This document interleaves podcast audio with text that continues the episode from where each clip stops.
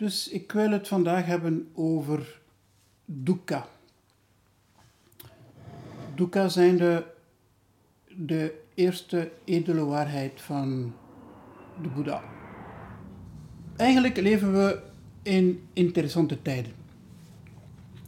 We zijn natuurlijk een beetje gefrustreerd omdat we leven met beperkingen. We kunnen niet vrij overal naartoe gaan. We moeten afstand houden. Als we naar de winkel gaan, moeten we, zijn we verplicht om allerlei bepaalde procedures te volgen, enzovoort, enzovoort, enzovoort. We zijn opgesloten, zeker voor de mensen die in appartementen leven, is dat zeker geen evidentie. Dus het, uh, het leven is moeilijk. Ja. Um, ik had een artikel geschreven over COVID-19 en hoe dat te plaatsen en daarover na te denken vanuit boeddhistisch praktijk. En er was iemand die een mail naar mij schreef om te zeggen dat hij het artikel wel interessant vond, maar op het einde schreef ik over dankbaarheid. Dankbaarheid, dat we dankbaar moeten zijn om het leven zoals die zich aandient. En hij vond dat een moeilijk iets, dankbaar te zijn omwille van ja, lijden die op u afkomt. Hoe kun je dankbaar zijn als met de wetenschap dat op het einde van de rit er de dood is? Dus daarom dacht ik, ja, ik moet uh, mijn gedachten misschien een klein beetje beter oms, uh, omschrijven en uitdrukken. En dacht ik dat het interessant was en noodzakelijk zelf om die vier edele waarheden terug eens onder de loep te nemen. Zoals jullie weten zijn dat de eerste preek die de Boeddha heeft gedaan na zijn ontwaken. We hebben ze veel gehoord. Misschien hebben we ze te veel gehoord en zijn ze zo een klein beetje blijven op de achtergrond gaan. Want kennen we ze eigenlijk helemaal? Dus laten we beginnen met die edele waarheden. Dus dit zijn de woorden zelf van de Boeddha in Samyutta Nikaya, dus de verzameling van de thematisch geordende leerredes, Samyutta Nikaya, hoofdstuk 56, 11. Met als titel Het in beweging zetten van het rad van de leer. Daarin zegt hij: Dit, monniken, is de edele waarheid van het lijden. Geboorte is leedvol. Ouder worden is leedvol. Ziek zijn is leedvol. Sterven is leedvol. Verenigd zijn met niet geliefde dingen of mensen is leedvol. Gescheiden zijn van geliefde dingen of mensen is leedvol. Ook niet krijgen wat je wenst is leedvol. De vijf geledingen van het toe-eigenen in het kort zijn leedvol. Nu, die vijf geledingen van het toe-eigenen, dat raar woord, dat zijn die vijf skandas die onze persoonlijkheid, ons wezen helemaal uh, samenstellen. Dus ik ga even herhalen, dus de materie, de gewaarwordingen, de mentale voorstellingen, de wilsdaden en het bewustzijn. Nu, we gaan het vandaag niet hebben over die vijf skandha's, maar het is wel frappant dat het reeds hier aan bod komt in, dat, in die eerste preek van de Boeddha. Nu, waarom begint de Boeddha zijn leer met de dukkha? Dukkha die vertaald wordt als leedvol, als lijden. Dat is een interessant verschijnsel. Hij had evengoed het omgekeerde kunnen doen en zeggen: Beste mensen, dit leven is niet ideaal, maar laten we er het beste van maken. Er ligt in dit leven geluk voor het rapen. Als je je best doet, als je wat handig bent en intelligent, als je de juiste connecties hebt, dan kun je dat geluk bekomen. Dus dat is wat we vandaag eigenlijk rondom ons constant zien. dat soort discours.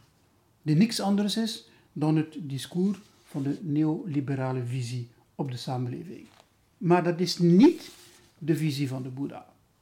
Dus Boeddha's zoektocht is niet rechtstreeks naar het geluk, maar naar begrip hebben. Wat, hoe het leven zelf functioneert. Het is trouwens niet toevallig zo dat hij daarmee. Zijn allereerste ehm, eh, motivatie om de weg te zoeken was effectief de ontmoeting. dus jullie, zoals jullie weten, hij leefde teruggetrokken in een paleis, volgens de legende. En het is de ontmoeting buiten het paleis met een zieke persoon, met een ouderling, met het zien van, het van de verbranding van een lijk. En dan de vierde ontmoeting van een bedelmonnik, die Shakyamuni uh, in gang, letterlijk in gang heeft gezet om op zoek te gaan naar, ja, hoe werkt dit leven hier eigenlijk wel? Die houding is er eigenlijk eentje van, of te vergelijken met een dokter. En Boeddha uh, zag, beschouwde zichzelf meer als een dokter dan als een uh, filosofische uh, wijsgeer. De dokter die stelt een diagnose vast. Er is een ziekte, er is iets dat niet pluis is, iets dat niet conform is de normale toestand van het leven. Dus we doen een diagnose. Wat scheelt er eigenlijk? Dan de tweede stap is de oorzaak van die ziekte. De derde stap is, er is een mogelijkheid om te genezen van die ziekte. En de vierde stap die de dokter onderneemt is, welke zijn de middelen om te kunnen genezen. En die structuur zal de structuur worden van de vier edele waarheden. Dus de allereerst is de vaststelling dat er een ziekte is, dat er dukkha is in het leven.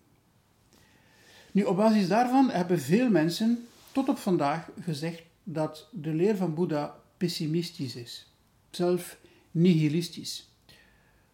In de 19e eeuw, toen de geschriften, uh, het Pali-kanon, beetje per beetje werd vertaald naar westerse talen, was er reeds de Duitse filosoof Schopenhauer die de leer van Boeddha als nihilistisch bestempelde. Ik weet niet meer juist welke paus, niet zo heel lang geleden, nog dat opnieuw heeft bevestigd. En ik ontmoet uh, zulke argumenten ook wanneer we in, met interreligieuze ontmoetingen met mensen uh, die vraag terug voorgeschoteld krijgen. Ja, maar uh, bij jullie, dat is toch wel iets vreemd met, die, met dat lijden. Hoe zit dat eigenlijk? Voilà. Nu, het is ook goed belangrijk te begrijpen dat Boeddha met de formulering van de eerste edele waarheid, dat de Boeddha niet ontkent dat er geluk kan zijn. Dus de leer van Boeddha is nog pessimistisch, nog optimistisch. Maar misschien zouden we moeten zeggen realistisch. De dingen zien zoals ze zijn. Trouwens, dit doet me denken aan het feit dat zijn leer genoemd wordt de middenweg. De middenweg, de formulering hiervan bevindt zich ook reeds in dezelfde sutra, die we daar straks. Het is trouwens het allerbegin van die sutra. Daar beschrijft hij letterlijk wat die middenweg moet zijn. Hij zegt: Monniken, er zijn twee extremen die door iemand die de thuisloosheid is ingetrokken niet gevolgd moeten worden. Welke twee? De overgave aan het najagen van zinnelijk genot, te vinden in zintuigelijke objecten, die laag is, vulgair, de weg van gewone mensen onedel, onheilzaam en de overgave aan zelfkwelling, die leedvol is, onedel, onheilzaam. Deze beide extremen vermijdend, monniken, is de voleindigde ontwaakt tot de middenweg, die de ogen opent, die kennis brengt, die leidt tot vrede, tot direct inzicht, tot ontwaken, tot nirvana. Hier zien we reeds dat er wel een aandacht is voor geluk tussen aanhalingstekens door Boeddha. Dus er is een, mogelijkheid om uh, nirvana, ontwaken, inzicht en vrede uh, te, te bekomen.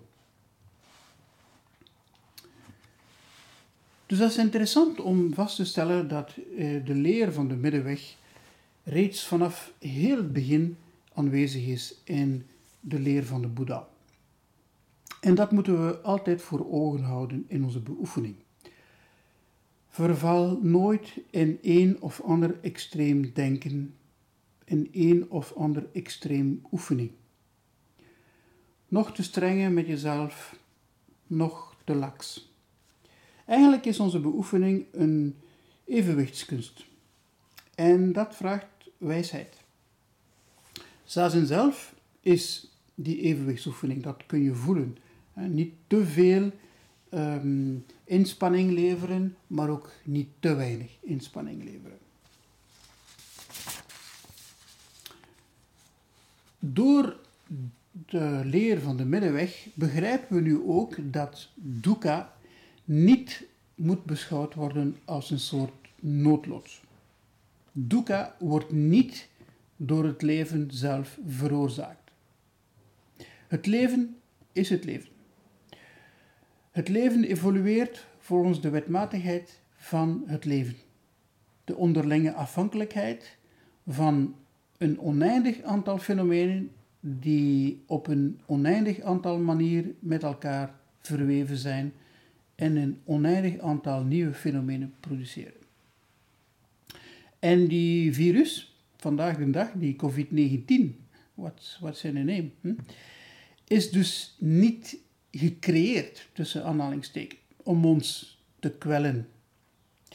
Het is ook geen straf van God of van de natuur, zoals ik hier en daar heb horen vertellen. Dus die eerste waarheid, die eerste vaststelling, is eigenlijk niet zo eenvoudig te maken. We leven allemaal min of meer in die ontkenning van dukkha. We ervaren allemaal pijn en verdriet en stress, maar we doen alsof die dingen uitzonderlijk zijn en van voorbijgaand aard zijn. We gaan ervan uit dat het leven stressvrij moet zijn. We leven alsof dukkha ons niet kan raken.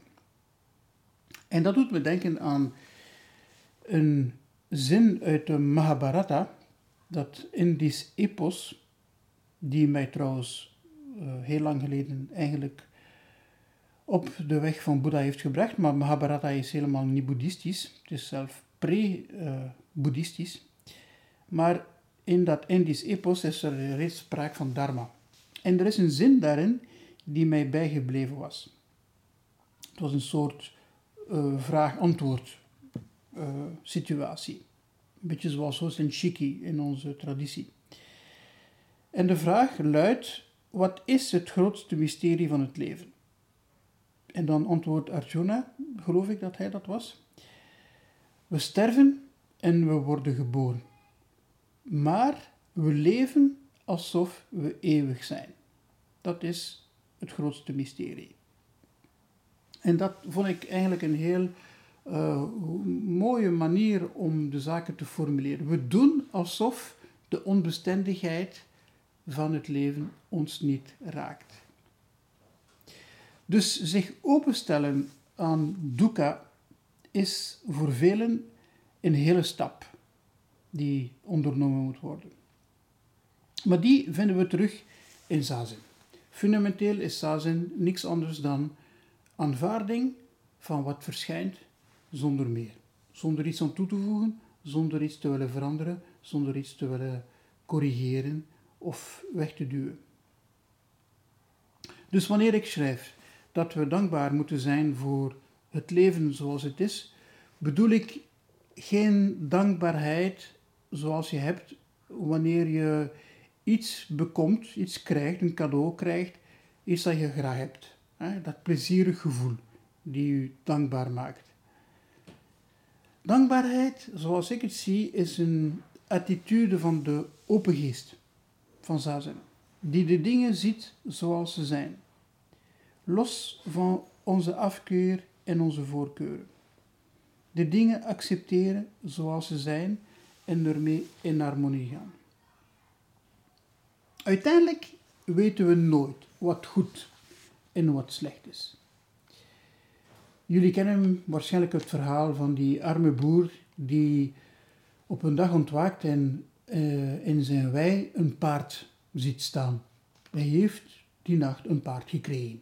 Hij weet niet van wie, hij weet niet hoe, maar er is een paard in zijn wei. En de mensen in het dorp zeiden, oh, wat een geluk heeft die boer nu toch. Hij heeft een paard gekregen. Nu, dat paard was een klein beetje wild. En bij het temmen van dat paard is die boer van zijn paard gesukkeld en heeft hij zijn been gebroken. Dan zeiden de mensen in het dorp, wat een ongeluk overkomt die man nu toch. Hij heeft zijn been gebroken. Nu kan hij niet verder. Hij kan niet werken. Hij kan zijn familie niet onderhouden. Wat een ellende, wat een ellende. Vervloekt zij het paard. Toen kwam er oorlog in het land. En de boer overleefde de oorlog, omdat hij niet naar het front is moeten gaan, omwille van zijn gebroken been. Dus wat is goed, wat is slecht? In absolute zin weten we het niet. In relatieve zin weten we het wel. We moeten zorgen vandaag dat we die COVID-19 niet opdoen of dat we die niet doorgeven. Maar in absolute zin weten we nooit wat een bepaalde situatie brengt, wat goed is en wat slecht is. Door de onbestendigheid verandert elke situatie van goed naar slecht of naar ongunstig. Of verandert een ongunstige situatie in een gunstige situatie. Niks in deze wereld is absoluut standvastig. Dat mogen we nooit vergeten. Om te eindigen zou ik zeggen, de weg van Boeddha is inderdaad niet rechtstreeks het zoeken naar geluk, zoals wij dat menen te moeten doen, maar eerder hoe om te gaan met het ongeluk, met dukkha, met hetgeen ons ondermijnt, hetgeen ons lastig valt, hetgeen ons pijn doet met de onbestendigheid van alle dingen. Daarmee leren omgaan op de juiste manier brengt uiteindelijk wel naar het geluk.